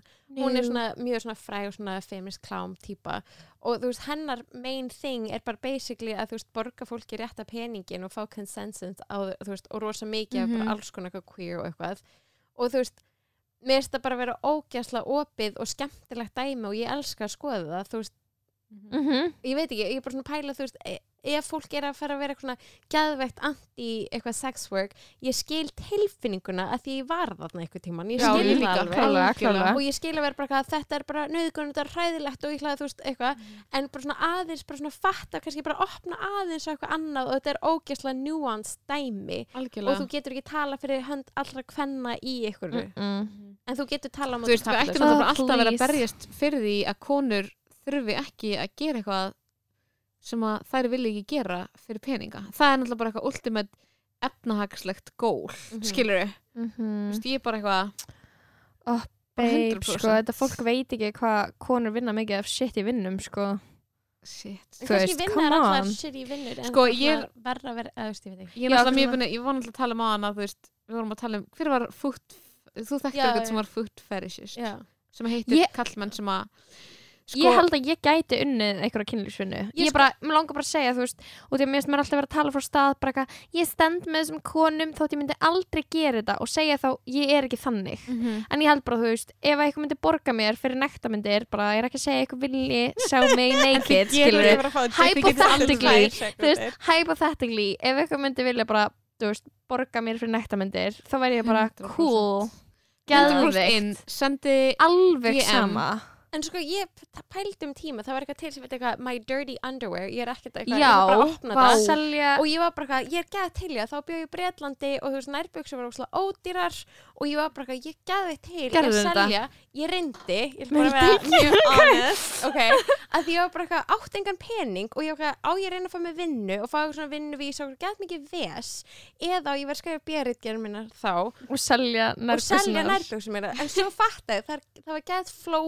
og og út af þessu eitthvað svona má ekki gera þetta. Og líka þú þarfst að geta að selja þig Og sem personu já, og, þurft- og ég bara, ég nenni ekki að selja mig og að setja myndir rassinu mín ég er alveg til að já. ykkur Ok, og senda til Japan sex work is work í alveg it is work. en hefði ég er gert það bara svona þú veist, ég hefði elskað en það var bara eitthvað 10 dólarar fyrir nærbuks og ég bara eitthvað not, eitthvað not worth it. Bá, veist, ég er einmitt að followa gælu á Instagram sem heitir The Sex Therapist Mm. og hún er, þú veist, hérna, er bara að gera svona fræðislu vídeo bæðum, þú veist kynlíf og bara svona erfi málið hún er að tala um, þú veist, fóstreyðingar nöðgun og eitthvað svona, Mhm, Og já, hún er sex worker. uppáhaldsmálefni mín er bara svona, það er bæði alvarlegt og, veist, hún er einhvern veginn samtímis Já, að ná að já. því, svona, ég er fræðari um allt sem tekist kynlífi og ég er líka, þú veist sex worker og hún er bara gett oft að tweet eitthvað, er að fara þú veist, gefa þriðja tóttu mitt í dag Ó. og eitthvað og ég er bara eitthvað svona ég er svo mikið bara power to ya. Að menna því eitthvað. Það er það sem ég hugsa er bara, kjált er bara- er bara sem ég, ég hugsaði bara bara sterk. að einhvers nenni þessu. Já. er geðveikt en mm. get ekki sagt. Þú veist, auðveldasta kynlífsvinnan er alltaf að fara á svona flestir að fara að vera til Handjob. í hana. Nei, þú veist, flestir að fara að vera til í hana. Fæstir, þú veist, að fara pening. eftirspurn er bara já, svona já, eins og þegar að þú varst að leita að ykkur til að finna ma já, ég var með svona tilrönd þar sem ég var að reyna að finna gaur sem að vildi láta kúa sig kúa út fyrir pening. Já, ok. hann gekk svo illa hann var ömulegur þú veist, þetta eru svona gaurar, þú veist, finna gaur á með svona gaur sem að, þú veist, elskar að láta segja við sig eitthvað, þú ert umulegur geði mér, svo mætti hann, uppistandi mitt og var eitthvað, ég var að horfa á það uppistandinu. Og ég var eitthvað, bitch, ég er ekki múin að fá neitt pening. Eða þessi tilrönd gekk mjög illa já, ég er að segja, þú veist, mér líður það sé svona Það er drau, ógeð- drauma kynlífsvinnan að finna maður niðurlega kallmann fyrir peninga já, það er drauma kynlýsunan en, en sko, ef ég myndi Brene þurfa bara Brown. segja við þá bara Og með þetta hlusta Hvað mynd- TED Talk. hvað myndu þið samt gera? myndu þið ekki alveg vilja gefa handjob? Ég held að mér var alveg sama um Að það ég er bara með svo Um, ógeðslega lélegan óli. Ég, ég hef aldrei já, verið ég er ekki góð í því. Nei. ég er ekki góð í því. Ég, myndi, ég, ég er ég ekki ætla að vera góð í- hreinskilin. Ég, ég held ég myndi ekki fá eitthvað svona fólk verið eitthvað svona I recommend Gíu af því ég er ógslag léli í handjobs. Ég, En ég myndi bara, hvernig getið þið verið lélar í því? ég er bara í Æ, nei, sambandi ég ég er er ekki bara tilbúin að að viðkynna svo hluti Ég á líka. þessum tímúti þú ert, í- þú ert léleg í handjobs. Já, Mér finnst alls konar þið eru bara ekki að vanda ykkur. Já, Æ, ég bara ok tekur ógslag nú langan er það tíma satt ekkert út úr því, Æ, ég veit það ekki. Hæ, farið ekkert út úr í? Nei, eða þú veist, ekki, þú Oh my god. Þú getur gefið er og að hlusta á gefa podcast á meðan. Ég er sko að gera handarhefingar og til að veginn þetta sína lukkar fram á. það sem, það ætla léleg. að gera með hendin núna it hurts. Ekki á. Það er samt enga var í gangi. Ok, en þú veist, en ég var þú veist, eins og ég sagði aðan þá var ég bara með svona smávaksna fallega fætur. Og ég myndi gera eiginlega hvað sem er með fótunum. það er þing. Að runga gaur með Og Það sem ég var að segja Það var einhver gæla Salka er bara Ég- sjú nei, ég er 100% ég er bara að hugsa En þú veist, myndir ekki senda myndir af, þú veist, af einhverju táslanir á Jú. net? Ok, þá ertu að fara En að segja að- á Íslandi. Þú er bara þú bara- ert a Já. victim En þú þarfst að fórnar hann. skapa líka það er það sem er svo magnað við kynlífsjönu er þú þarfst að skapa þér nafn sem þú veist, þú ert að búa til hennar karakter og því annars ertu bara eitthvað jó, einhver random gæla úr þú veist fucking laugadalunum er að reyna að selja mér eitthvað er hún, ég vil ekki sjá það skilur, en ef, þetta, ef þú ert búin að búa til þú veist, þú ert að búa þér til fucking persónuleika sko. En er þessi þáttur ekki fullkomin Já, með okkur. Ég, sko, ég er alltaf að ímynda mér Ég- að maður, það væri eitthvað svona hliðstæður veruleiki þar sem maður myndi fá pening bara inn á bankareikningi sinn ef eitthvað myndi runga sig yfir manni. Þannig að maður, Já. maður myndi ekki þurfa að gera neitt. Þá ætti ég 0 krónur. Svona, kannski, þú veist, kannski bara eitthvað out there. Er eitthvað bara að hlusta á þennan podcast og vera bara, ah, þessi er Lóa ASMR SCs uh, og þá færði bara geggjum mikið pening bara in your pocket og það þarfst ekkert eitthvað að selja því og þetta er fullkomin heimur. Já maður nú geta hægt að cancel hluti Ég- en ég var að bara finna út úr. Ég var sko, ég var að fá með business Instagram stelpur. Ok, Game changer. Já, ég er með business Instagram. Því, það hljóma er Það það er- er með business ok, ertu með business- svona blátt við liðna Nei, nei, nei, það er er swipe up. verified. Og ég er ekki með swipe up, ég er ekki verified En ég er með business account. Og ég get séð insights sem þýðir að ég get séð, þú veist þegar einhver rungar sér yfir myndaði Ég get séð til dæmis ef ykkur sendir einhverjum öðrum storyið mitt. Ég get séð bara hversu margir, þú veist, fór tilbaka til þess að skoða myndina aftur um, Hversu margir seifa myndir sem ég posta er og, og, og kynja hlutallega followers hjá mér og Ok. aldurskipting og hvað fer Love. mikið fyrir hérna að vera veik Ok. þannig að það, það er mjög vinsalt content þegar ég er veik á netinu fólk elskar að ég sé vulnerable og líði illa nei ok, það sem er geðveikt er að ég get séð anna, að followerni mínir eru ungar stelpur og gamlir kallar. Það er bara undir 17, bara margar stelpur engir strákar undir 17 og svo bara eh, stelpur á mí- mínum aldri, nokkri strákar á mínum aldri og svo bara engar konur yfir 35 og fullt af gaurum millir 35 og 44 en kannski er þeir að reyna að Og vera ég er meira eitthvað- woke. Nei, Nei, þú verður ekki ég- bókað ég skoða nei. Instagram að lóu þú verður heimskur. Þú verður heimskari Literally. Já, þú byrjar bara að vera dumb bitch eða þú ert inn á Mute. Instagraminu mínu. Mute byrjar að segja allir svona barnarödd. Ég er svo ógæslega góð að gera barnaröð ok, gerð það. Hvað er það? hæ. Mm, Núna. Býtu, Salga hættu. Uh, Aðeins, býtu aðeins Ég er að reyna að umbetta mér að tala um bandarinn Ég sko fætt bara þegar ég er pissa á mér ekki með neina grönt um þessu Já, ég fyrst Mætti sengi eitthvað að drekka fyrir mig. Og mér lukkar að gefa þetta brjóst sko. Ég er bara eitthvað ég tits viltu vilja Ég er byrjað að mjölka eins og áðan. Ég er bara Það lítið bad Ég er bara lítið bad Ég kann ekki vera podcast stjórnandi Ég er bara lítið.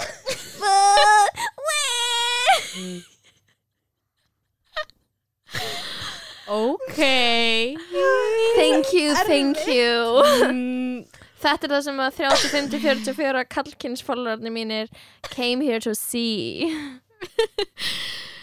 Og þú ætti í alvegni Þú ætti að fara að finna maður svo marga með þessari barnarett Samt ekki sko ég hef sko. ekki svona að vilja að mig. fá svo mikið pening inn á Legðina mig Give me pening. Herru. þegar þú varst að byggja fólk með að leggja inn á þig fyrir mold á Já, Twitter? fólk gerði það í gerði það. Er bara að Já, maður. Það er maður bara að byggja Mhm. Já, Ok. Ok, fleiri spurningar. Hvað er hvað, var momentið sem, sem þú mannst eftir bara ok, ég elska menningu? Akkurat núna Var það barnaröddin mín? Þegar Lóa byrjaði að mjálma og gera barnarödd þá var ég bara að love it Þegar ég elskaði menningu, ég veit ekki Þú veist, ég veit ekki alveg að því við vorum að tala um áðun eitthvað svona popkúltúr og mér fannst alltaf popkúltúr eitthvað leim þegar ég var krakki og unglingur Hvað varst Það að problematic. veist, Hvað varst að Eða, fíla? veist, Hvað varstu að það fíla? Ég, þú veist, ég held að fíla eitthvað get pop eitthvað þegar ég var svona tíara og Mhm. Spice Girls, elskaði Spice Girls Má Já. það vera partur af þessu? Já, Ok, ég held að fíla það og svo var ég svona Nirvana bitch Ooh, og svona smá I svona, love. æ þið vitið. Mhm. Það er hot. Það var ekkert hot. Ég svona held ég vildi vera Avril Lavigne að hún vildi samt hata hana. Já, ég veit alveg hvað við, Já, sko, já. er þarna að tókaðist eitthvað innra með manni, eitthvað svona ok, ég fíl þetta, en Mhm. ég vil samt fá eitthvað svona samþykki fyrir því að ég megi fíl þetta. Mhm. og svo var maður líka hater. Ég, Já, ég var alltaf þannig, skilur, ég var bara ég, átt, ég var svona, er að leifa mér svona á fullorins árum meira og meira að fíla hluti af einlægni en sko eins og þegar við horfum að Beyoncé ég var bara ógæslega ána ég gætt fíla hana því ég var gætt lengi að fíla hana ekki því ég tengdi ekki fíl við Mhm. ekki Beyoncé Nei, ég fílaði hann ekki gætt lengi, mér varst bara allt vera eitthvað svona um að halda, þú veist, vera, vera eitthvað svona, ég er heitar en þessi gæla og ég tengdi ekki, ég var bara af hverju allir hlusta eitthvað gælu sem er segist vera heitar en aðrar. Það var mín Já. upplifun, en svo Já. þegar ég byrjaði að að fíla eitthvað, ekki fíla eitthvað vera, þykjast vera, að segjast vera feministi sem er vera eitthvað svona bourgeois bla, eitthvað, Mhm. en svo þú veist, fannst mér gætt gaman að horfa með ykkur og dýrskar hann núna, Mhm. Mhm. og mér finnst það líka gætt gaman. hún er best ég dyrka Beyoncé út af því að ég dyrka hvernig hún syngur um ást það er, það er mín tenging við Beyoncé úst, íkonið, Mhm. skiljið mig veist, það er empowering tónlistin hennar er úst, valdeblandi og svona, þú veist, fjallar um eitthvað svona sjálfstæði kvennana kvenna, sjálfstæði kvenna Mhm. og bara svona að stjórna, skilur hún er, alveg, hún er algjör boss er Mhm. og það er gæðveikt en ég finn svona sterkustu tenginguna við bara lög eins og All Night já, sem er bara, þú veist, ástarlag og fleiri gömur lög sem One Plus One Mhm. og bara svona, þá er ég bara, og Halo líka, mhm. þá er maður bara, ok, þetta er ógeðslega fallegt það er óslega fallegt. þetta er bara, þú veist, Vá, þetta er sama Já. leiti og ég fíl, og þú veist, þetta er sama, sama hlutur og leita mig fíla romcoms Mhm. Í rauninni, sko Ég er svona fíla einmitt mest svona break-up reyðilegin sko. Já, ég er svona mitt. hold up þú veist. Ég elska Hold Up. En mér finnst Já, það og líka svona I care Já, það er ógeðslega gott lag I care er svo gott lag En það er svo fyndið þegar maður er eitthvað svona í mótrú að fíla eitthvað Mhm. og, og þegar maður er unglingur ok, maður tekur með sér gett mikið af worthless tilfinningum þegar maður er unglingur svona fram í fullorins ár sem, já, bara köku er þetta, má ég bara býta Ok. bara í þetta svona ég kom náttúrulega með treats frá kattagafúsinu og það. Oh er God, mjög stór ástæða fyrir því að hún var að búa þér Mhm. þannig að er þegar maður er unglingur þá er maður eitthvað svona með worthless tilfinningar sem eru til dæmis að finnast gett nett að vera fyrstur að fíla eitthvað Mhm. og svo gerist þetta þú ert fullorðin og Mhm. þú ert með þessi tilfinningu og öllum er sama það skiptir engu máli, fattur þau? Mhm. þú er bara svona, máttu vera óslega setna vagnin máttu þú að setna vagnin og þegar þú segir já ég er búin að fíla þetta í tvö ár þá skiptir ekki máli Mm. þetta er svona mest worthless tilfinning sem ég finn fyrir stundum Mhm. þegar Já. einhver er eitthvað svona fílar eitthvað og mér langar ekki að segja eitthvað svona ég er mikið mikið eitthvað svona MIA eitthvað, ég hlust, byrja að hlusta á hana þegar ég var 14 ára og svona þegar fólk er eitthvað oh my god þetta er svo gett lag að því að MIA er bara fræg ein, ein Mhm. með frægari stjörnum skilur og þú ert bara eitthvað, wow, þú ég ert á eitthvað- miklu dýpri tengingu Já. og það bara doesn't matter. Það skiptir ekki máli fyrir neitt nema þig. Mm, mm, það er svo fyndið og þetta er svo mikil unglingatilfinning. Mm -hmm. Mhm. þegar maður er unglinga þá er maður bara langar mann ekkert frekar en að hafa ekki heyrt eitthvað hjá neinum. Og vera bara ég fann þetta. Eitthvað svona, Drast tilfinning sko það er sem ekki drast bara svo worthless, bara akkur Mhm. ættir ekki að hafa fengið góða góð meðmæli Mm. hjá einhverjum. En það er svo Mm. kjút að vera unglingur maður er eitthvað. Maður er eitthvað heldur að sko nei, maður heldur að smekkur mann Það er að hafa endalsan tíma til þess að sökva sér í popmenningu Mhm. já, Það er bara, fuck, ég hef engum skildum að gegna Ég ætla bara að horfa á alla sem, þú veist, ég vakti bara alla nóttina og kláraði bara alla seríunar af Weeds, skilur Mhm. og bara, hvað þáttur er Weeds? Af hverju, Ég þú veist, ekki, og bara- ég já, og ég bara svona, allir þessi hluti sem ég bara, þú veist, dyrkaði og var bara eitti svo miklum tíma í að skoða hluti og mynda með skoðun á þeim og bara svona neyta menningar, skilur það er svo gett verðmættu tími sem maður byggir á einhvern veginn þeim grunni ég er ósað þakklátt, sko 100% ég get fegin að ég þurfti ekki að passa á yngri sískinni þegar ég var úlingur Mhm. ég var bara Ég þekki það. 100% bara eitthvað on ekki my að own eða gera Já. handjobs Gleði, ég þurfti ekki að gera mikið Nei, ég handjobs var bara, ég var bara virgin eins lengi og ég gat, sko Ég, Ég ég fór í sleik fyrst þegar ég var sko 17 ára Í alvöru? Já. Ég var bara What is this? ég sko, Ég var mjög seint í þetta líka. Ég er svona nunna. Akkur er ég búin að deila svona mikið af einhverjum svona einhverjum svona það bara handjobs. ég er bara ég er léli handjobs og ég fór fyrst í leik var 17 ára og allir gæjar sem að deyta mig að hlusta á þetta og eru bara já þetta er allt rétt hjá henni En ég elska það að þú varst búin að segja í byrjun við um ótrúlega margt sameilegt og nú erum við að segja þetta. Það er alveg rétt. Rókslega Já. lélar í handjobs og byrja um þeim. Vitið hvað viti Eitthvað hvað er, allt ó- sem eigum vitið hvað er sameiginlegt. ógeðslega gott að gera sem gælla? Það er að vera eitthvað svona Ég er ógeðslega góð í kynlífi Ég er Ég elska stunda kynlíf Ég er ógeðslega góð í að totta. Ah, Þa, Þetta er, er er besta. Það er klassíst brag þegar þú ert unglingur. Er að segja að þú er gett góð að totta Er það? Er það er ándjóð Ekki tala um úling að totta Í fucking sömu setningunni sorry, ég ætla að segja Já, með teina, sko. Í, og það er bara það er bara örglega ekki satt. Þegar einhver átjónar unglingar er eitthvað ég er góð í að totta maður er eitthvað Gía, hvað er Hvað er uppáhaldsmenningin?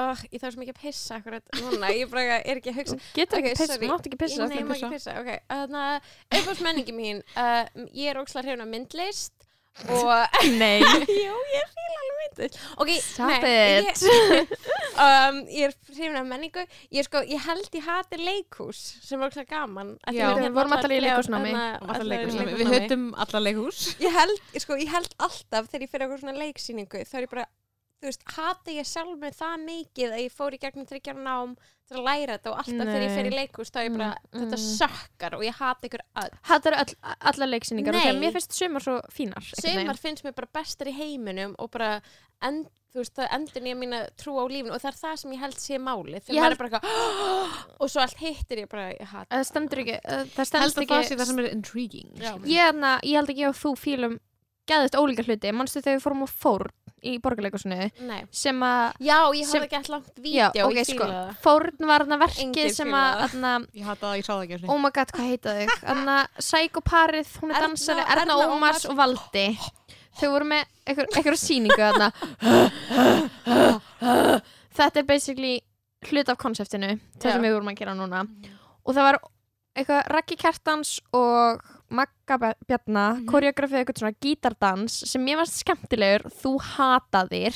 Ég og svo var eitthvað þryggja tíma nei, Ég. svo var þryggja tíma lang bíómynd sem gerist í einhverju ruggli inn í kringlunni þar sem bara fólk er að gera eitthvað aftur og aftur og aftur og aftur og aftur, og aftur ógislega hægt, ógislega mikið af öskrum. Og þú veist bara mjög varst þetta geðveikt. Og ég Já. var við það að snappa. Ég held líka hefur rosa mikið að segja ég hvað er að svona stuði- Nei, þú veist, ég er alveg til í að róstu átu Ég líka svona held að sé, fara eftir hvernig stöðust í. Mér varst bara svona mér varst Ég hefði aldrei geta verið í stöðu fyrir þessa mynd. Fyrir, mér varst myndin mega næs það var bara eitthvað svo mikið rugg mér Já. finnst bara næs að horfa eitthvað rugg og eitthvað en það var óslega pretentious rugg Já, einmitt. Þurfum að áta það, skilur Já, þú veist, ég finnst bara ógeðslega leiðilegt að fara á sýningar þar sem fólk er bara að vera leiðilegt on purpose bara, já, ok, já, ætlar bara að vera boring, bara, er það en er það ekki það sem þjóðleikus er að vinna með? jú, jú, en þú veist, ok, stelpur Þegar bara- segir, "Wow!" ég var bara að segja, skilur, það er að fara að koma heimsendir ekki voga þér að vera fucking boring ég á svona Mhm. tíu ár max eftir þá Tíu klí deg og í já. einhverjum loftslags ham hamförum og þú ætla bara eitthvað að láta mér leifast Mhm. í leikhúsi Er það bara með það því sem að vera þú þarft? hægur bara nei, þá á bara að vera gaman En hafið aldrei pælt að því stundu fyrir leikurs og ég hugsa ekki alltaf lengi hvort ég hef verið í skólum svo lengi til að læra að höndla ömulega list. Guð, Mm, ég hendla ekki þá stundum er ég Ég hendla að minna með hverju, hverju stund Ég líka, en, Mhm. stund, en ég farin að vera ógæslega góð í því að vera með andlit sem segir ekkert, sem er ekkert eitthvað it. En ekki eitthvað svona, ég ætla ekki að vera meðvirk með einhverjum svona leikara sem horfir á mig og eitthvað, er þetta, er þetta fíla þetta, ég fíla það ekki. Guð, Og, ég hleyp út ef mér finnst eitthvað Já, að það. En já, þannig ég fíla leikus, held ég, eða hata. mm. Um, ég fíla YouTube-vídeó af TED Talks, mm podcast, og mér finnst alveg eitthvað svona, eitthvað svona myndlist alveg mjög skemmtileg. Einhvers konar myndlist, hvernig Já, eða þú myndlist veist, bara eitthvað, núna er eitthvað artgrímur sigur svona sín eitthvað dót, eða svona er að selja eitthvað dót og mér langar að ég get mikið pening að kaupa allt dót mm það er bara eitthvað fallegt, það er eitthvað oljuverk og hann er óslega duglegur að Artljótur gera artgrímur Artgrimur Arngrímur sig. Ég held ég skilji ekki myndlist sko. Ég fer á myndlistasýningar og ég er bara I feel nothing. Ég bara trekk í trekk upplifi ég bara engar tilfinningar. Ég upplifði þetta smá líka og ég held að myndlist ég nálgist þannig að get mikið sem bara svona get ignorant svona decorative bara svona mista fallegt. En ég held að ég sé þar sko og það er Og það sem ég fíla eitthvað, svona eitthvað oljuverk sem mér finnst eins og það sé eitthvað cool eða þú veist kannski er það cool, sorry artgrímur en þú veist, ég svona ímynda mér að það sé svona á eitthvað svona ekki eins flott skala. Mhm. ég held stundum mér líður smá sem myndlist sé svona að gera eitthvað sem ég skil ekki alveg myndlist fyrir myndlistamenn. Já, og ég er svona, er pínu bara eitthvað Þú veist, og það er allt í lægi ég er ekkert að fara að vera á móti. Þú veist, við erum, núna er þið að tala þú veist, gera eitthvað podcast, það er fullt af fólki sem fíla ekki podcast. Já það Ég fer bara, þeim bara, finnst þú þetta bara að skera eirun ég held að þú Mhm. veist að fólk sé alltaf, þú veist, eins og þeir að segja eitthvað þú segir eitthvað, ég skil ekki myndlist. Þú veist, ég Mhm. held að það sé bara algjör mýta og þurfa að skilja eitthvað. Já, nákvæmlega, en þú veist, ég bara þú veist, ég held samt líka að fólk þurfa sem að hafa eitthvað læsi skilur sem að er bara þú veist, er gefið til dæmis eftir eitthvað ákveðið langt listnám, þá ertu komið með eitthvað svona eitthvað samhengi sem að myndlistin talar inn í Mhm. og það væri næs að hafa það. Já, mér finnst, mér finnst ég alveg hafa það. Já, þú, þér. finnst þú hafa það, mér Já. finnst ég ekki hafa það. Mér finnst ég hafa eitthvað svona en ég og Well. nú erum nákvæmlega í jafn mettaðar en þau eru kannski aðeins öðru í sig Já, þú veist, þú þekkir fleiri myndlistamenn heldur en ég Já, þú að þú veist- lítil já, já, það geti alveg verið, þú veist, Mhm. en eins og þú veist, mér finnst bara svona að þú bara farir eitthvað staðar inn og þú bara bara fílar eitthvað eða ekki, og Já, já, já. það sé bara fullkomlega valid En ég- ég hvað sem þú veist mikið sko. Ma, kannski bara með menningar impostor syndrom já, það, ég held að Skilurðu? sé margir bara, uh, ok og þú veist, maður vill ekki segja eitthvað sem glata út, bara því að maður veit ekki hvort maður hafi forsundunum til að skilja það ekki ég held að bara the worst er myndlistar opnanir það er að versta sem ég og já, Já. það eru það cringe. fullt eitthvað fólki og allir geta eitthvað að tala um eitthvað og maður sér ekki neitt, maður sér ekki verk og maður sér bara fullt af fólki sem er í svona Mm. mm. litrikum fötum. Mm, það er bara uh, erfitt. Mm, Það er sikkert- og maður sér enga list einmitt. maður er bara, Enga eitthvað- list, eins og svona maður er bara í- bugast. Já, útskrifta ok, ef ég er að fá hyggsta í þessu podcasti það er, svo, það er svo mikið komin tíma rámt vikunar já, Mhm. það er hann að seinasti liðurinn í þessu podcasti rannlega komið að því, hver ætlar að byrja? Vikunar er svo þannig að við veljum eitthvað svona topic úr, í menningunni sem við megum uh, drulla yfir í eina mínútu. Já, Er það ekki? Og ég tók senast þjóðleikúsið var það eiginlega svolítið reið. Ég er alveg smá, Mhm. smá að spá ég að vera þú veist aðeins meira svona grínast núna. Maður hæpast upp. Já, fekk alveg hraðan hérslott senast sko. Mhm. Ég sagði að mamma sótti mig til að láta mig hlusta það sem er gangi í útvarpinu sem varst þú að randin þjóðleikus. já, ég veit ekki alveg hvað, ég held ég sé bara að reyna að loka á alla atvinnum möguleika já, Náttúrulega. það gengur mjög vel. Já, yey ok, Mhm. hver vil byrja? ég skal alveg byrja, byrjaði þú ekki síðast? Jú. ok, það að meika sem sem láta mig gestin ekki byrja. Mm þá var gíja nummer tvö. Ok, ég skal íta start fyrir þig. Já. hva, hvað ætlar að randum? um, Kemur það bara í ljós þegar randi byrjar? Ef að hafa það þannig. Já, já, kemur þannig. Ok. Oh my god Ég er svo til í þetta. Ok, Salka. Uh, Hvað er með rand vikunar 1, 2 og byrja. Ok, ég er hann svo ógeðslega þreytt bókstaflega þreytt á þessum ógeðslegu björstu nóttum. Ég er í alveg, við erum alltaf láta eins og við fýlum þetta en í rauninni þá erum við öll alveg manísk. Ég er búin að Mm. gera allt og mikið af hlutum í sumar.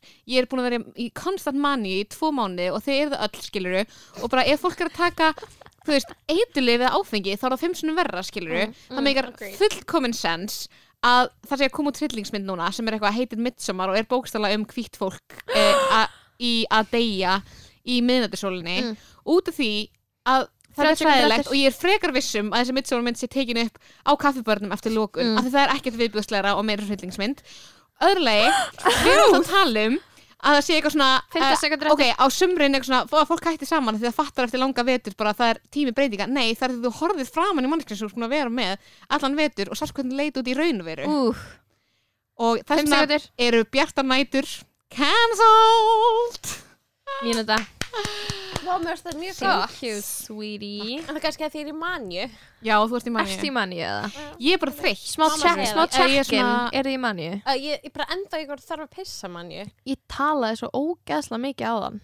Ég er í smá svona Þú talar mani sem lítið bad það sem ég líður eins og ég sé Andi Sönd með þú veist tannstönglana Hæ? þú veist, sem er reyna ekki alltaf mér hefur- þannig. Allt eigunum áttum ég svona Ok, ok, ok. Sækumót Gía, ertu, ertu tilbúin að ranta um bara Já, það sem fucking er worst Já.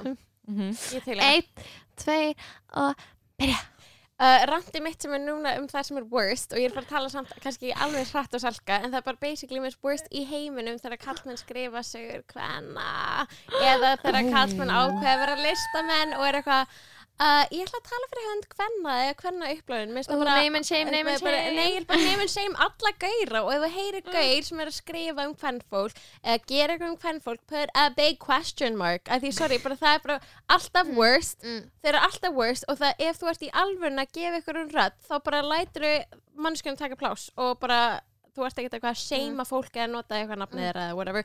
Nefnum seim við vitum all hvað fólk erum að tala um. Nei, 20 sekundar eftir. Nei, ég veit ekki, ég ætla ekki að nefnum seim, ég Name ætla and bara að shame. segja ég, ég ætla ekki að gera það, en ég ætla að segja bara það er svo ógeðslega mikilvægt að setja stórt spurningamerki að því mér finnst bara svona maður er endalaust að sjá það og endalaust að reyka sig á eitthvað svona genius complex hjá einhverjum gaurum sem eru að nota einhverja sögur og segja eitthvað upplænur aðra og vera eitthvað svona I'm an artist, I'm allowed. Ok, komið mínu þá Já. Wow. Sorry, wow ekki sorry. Not sorry. Not so very Íska og ég tala ókslega rætt. Já, I love er it.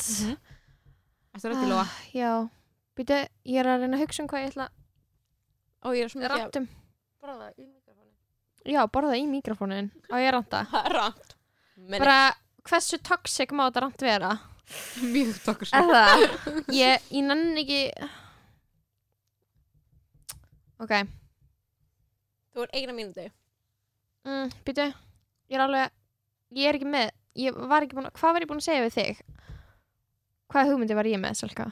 Þú ætlaðir eitthvað að vinga út af því að þú varst með eitthvað Þú varst eitthvað hrættum að vera með eitthvað hrókafyllt ránt Já, ok, ég, me- já, ég ætla að taka rúf 0 En ég hætti við gerðu það bara. Nei, hvað með bara um, Ok, byrju Ég ætla, ok, hvað með bara Ok, ég með það, Ok, þetta er ko- Já. tilbúin? Rant vikunar Stressandi var mínúti Tveir og Ok, strætóbílstjóri sem er dónalegu við mig þegar ég segist hafa dinglað og ég dinglaði en, en bjallan virkaði ekki, þú þarft ekki að öskra á mig. Og þessi menning að strætóbílstjórar getur verið ókrútteisir út því að þið ráðu öllu er óþólandi ég er með áskrift í strætó og ég býst, býst við ykkur þjónustu og ég elska strætó en að þú er, ert að öskra á mig að sé of seint fyrir mig að dingla þegar við erum komin fram hjá stoppinu mínu og ég þarf að labba í auka tíu mínútur til að komast á, 36. á, á áfangastað er þreytt. Það er fokkin þreytt. Það er þreytt að þú segir ekki góðan daginn þegar við hittumst á hverjum einsta degi og við erum basically alltaf saman. Það er dónalegt og þú ert í 15 þjónustufjöndungi sekundur og ég veit úr þú lágum launum og ég stiði verkefælisbaratuninni en þú og ég, við getum verið vinir, við getum unnið saman ef þú hættir að öskra á mig og skamma mig. Oh my god þú ert ekki næs. Ok. Stræta við sem er cancelled. Ok, má ég vera með eitt randi viðbútt? já, Sorry, má ég taka double rand? Já, en má ég- koma inn, inn á eitt að ég var að fatta um daginn já. að þú veist alltaf að tala með eitthvað fólk sem er að skamma þig. Ég er mjög oft skömmu líka. Já, ég líka. Mér langar til að tala um það að að vera skömmu. Ég ætla að taka randum, annar Ok. randum að vera skammu Já, ok, Ok, ok. Einn, hvað tveir. innmynda Ah, Ok, okay, aldrei Ok, ég veit að þetta er rand nummer tvö En miðaldra konur sem eru alltaf að skamma mig Fyrir að vera bara að gera eitthvað Ég er komin á af nummer eitt Ef ég er í pottinum í vesturbælauginu með eitthvað bandir og þú heldur í alveg að mér finnist ennsku kennarar í mentaskólum vera niðurlegandi starf mér fannst það ekki, ég var að vera, ég var að vera með bandir hefur þú heyrt um það? Nei, þú hefur ekki heyrt um það út því að þú ert Hún hefur ekki heyrt um 56 módel og þú átt ekki að skamma 26 ára konu sem er í pottinum að grínast og reyna að kenna mér eitthvað ennsku kennarar sé eitthvað mikilvægir og ég sé eitthvað hrókafull þetta heitir að grínast og þú, vina mín, ert leiðileg. Og miðaldra konur vinsannast hætti að skamma mig ég er 15. fullorðinn þú þarft ekki að ala mig upp út á götu. Halló. Sorry, en síðan Ekki hvenar á maður bara eitthvað að skamma ókunniða? 5 sekundur fuck you Þær eru the worst. Þær eru the worst. Það er eins og það er, þú veist, mér líður það- þetta sé bara hópur af þeim, sorry sem eru bara, það er eitthvað svona ó, það var óslega erfitt fyrir mig að komast í gegnum lífið og þú ert og þú frjáls. Ert of by the way, vann samt aldrei þjónustustarf. Það er eitthvað að vera aðeins leiðilegur, leiðilegur við þig. Og svo haldaðar held ég ekki að þær sé vera leiðilegar. Nei. ég held að það sé bara ætla að skamma þig. Ég landi í einni bara í dag, bara að koma út með, á kaffihúsinu hún segir við mig eitthvað að það er brjála að gera, brjála að gera. Og þetta er bara svo ógæslega típist svona típur. Eitthvað brjála og Mm. hún segir er, er hægt að fá á, eða, þú veist, er ábót á kaffinu? Og eitthvað, já það er ábót á kaffinu. Ég er ógæslega cute í þjónustarfi ég er og kjút, við adorable. getum ógísla mikið ég er með svona mjög sko. litla rödd og ég er Mhm. hljómið svo Mhm. köttur. Ég bara, Mhm. og- og, og ég er bara mest að dúlla? Eitthvað svona, með hárið upp og eitthvað svona, já það er ábáð eitthvað. Og svo kemur hún og er horfi gett bitchy á mig og segir vinsams, láttu mig þá að fá ábáð og svo eftir hún fer þannig eitthvað eðslega staður. Og ég var bara ég var svo reið. Vinsanlega sláttu mig það ábót. Já, eða eitthvað svona á þessum svona, ég draf þrjá ketti á bakvið. Ég var svo reið. Oh my það. Ekki en bara svona, my þessi típa það eru margar. Why? oh, Meðaldra konur. Er það betrar? Það er ekkert Ég vil allar ekki verða svona sko. En ég er alltaf skammuð Já, I know. Er þið með eitthvað svona skam það skamma mig aldrei neitt sko, ég veit ekki ekkur ég, við erum svo Ég krúttlegar, Veit ekki af hverju Ég ég er og held ég, já, erum svona svona skammaðar sko. Mm ég er mjög oft Það er eitthvað svona, þú veist, það er halda þessar meðaldra konur halda bara ég sé 12 ára. Já, já, já. Uh, Ég ætla aðeins að ala þig upp. Bara, Þær halda þess bitch, of frjáls. þú þarft ekki að ala mig upp. Mamma mín ól mig upp, skilur við Mhm. mm sá mamma þín að mótmælum daginn. Eða, algjörð ólega já, mamma Herru, þín að það með á Facebook ger fólk er á hverjum einstu degi segja við mig að mamma mín hafi aðdað þeim á Facebook. Mamma og ég mín. er bara frábært. Great. Og líka bara eitthvað svona veit ekki á hvaða rampage hún er í alvöru. Hún er bara- Hún er bara, hún er networka. Hún er Let her hún network. sendi mér, hún er að vinna fyrir vestan á Drangsnesi að gæta og hún sendi mér frá 5 til 15 vídeo á dag af That's too much. fugglum Það er Æ, ómikið það er ógst að sætt. Ok, ég skal senda þér þessi vídeo að Stelbur, já, það komið að lokum af, Já. af þessum þætti af aðteglisbresta á, á lokastíði ok. Gía, hvernig fannst þér? mér finnst ógeðslega gaman. Mér langar eiginlega fyrir. alltaf að vera með ykkur. Takk Já, við erum alltaf saman. já. Við verðum alltaf saman. Ég er alveg til í það, getur ekki verið bara svona þú veist, aðteglisbresta eitthvað, no, whatever Takk fyrir að bjóða mér að vera með, það var ógeðslega gaman. Og takk fyrir að tala mjög mikið um handjobs, það var mjög skemmtilegt. officially léleg, Já. sjáumst elskum ykkur. Anna, Love you. ert, ert að reyna að enda þáttinn? já, Ó, ok, ég- ég samt- Anna, ég ætlaði bara að segja endilega subscribe-ið og setja í story að þið séu að hlusta og skrifi review á Apple Podcast. Hvað eitthvað finnst, við erum ekki búin að fá neinn góð review. Nema eitthvað svona jú. gráðlæg broskall og eitthvað. Og eitt svona kossakall. Ég væri til að fá orð sko, ég, ég veit að þú veist, ég væri bara til að fá eitthvað svona finnst þetta eitthvað, leðilegt eða skemmtilegt eða eitthvað Mhm. Ég verði líka til að heyra að ég vera ósla skemmtilega Mm. mm. leiðileg. Það og væri skemmtilegt. og fylg- að já, og fylgist með líka ég og Salka verðum með uppistand í já. takk fyrir okkur Bye! Bye!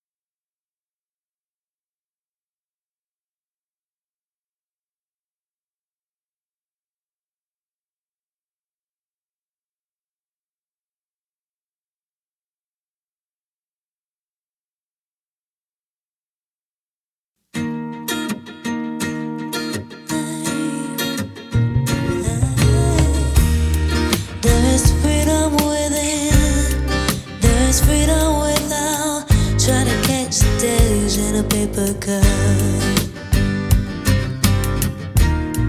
There's a battle ahead. Many battles are lost, but you never see the end of the road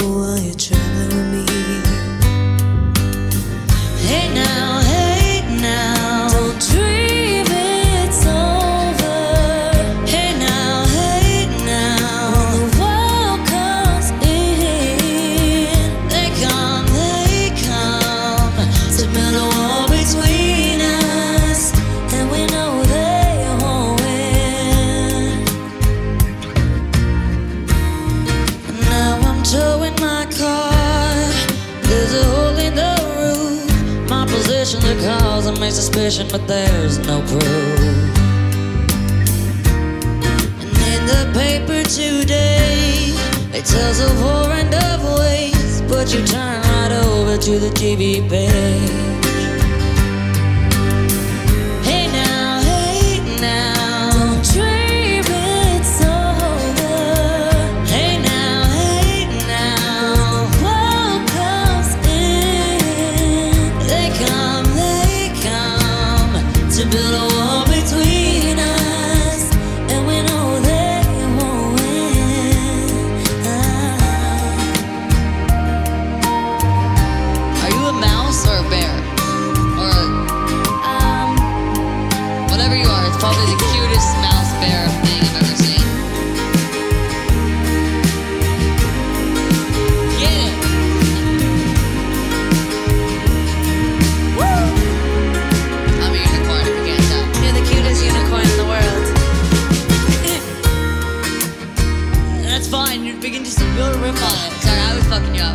Was. Sorry. I was flirting. Sorry. Sorry, I was flirting. Sorry. Sorry. Alright, anyway. I'm walking again. No, sorry, I'll, I'll, I'll fuck off. Sorry, here we go. I'll start it. Here. Here we go. Now I'm walking ahead to the beat of a drum, and I'm counting the steps to the door of your heart. shadows ahead, barely clearing the roof. Get to know the feeling of liberation.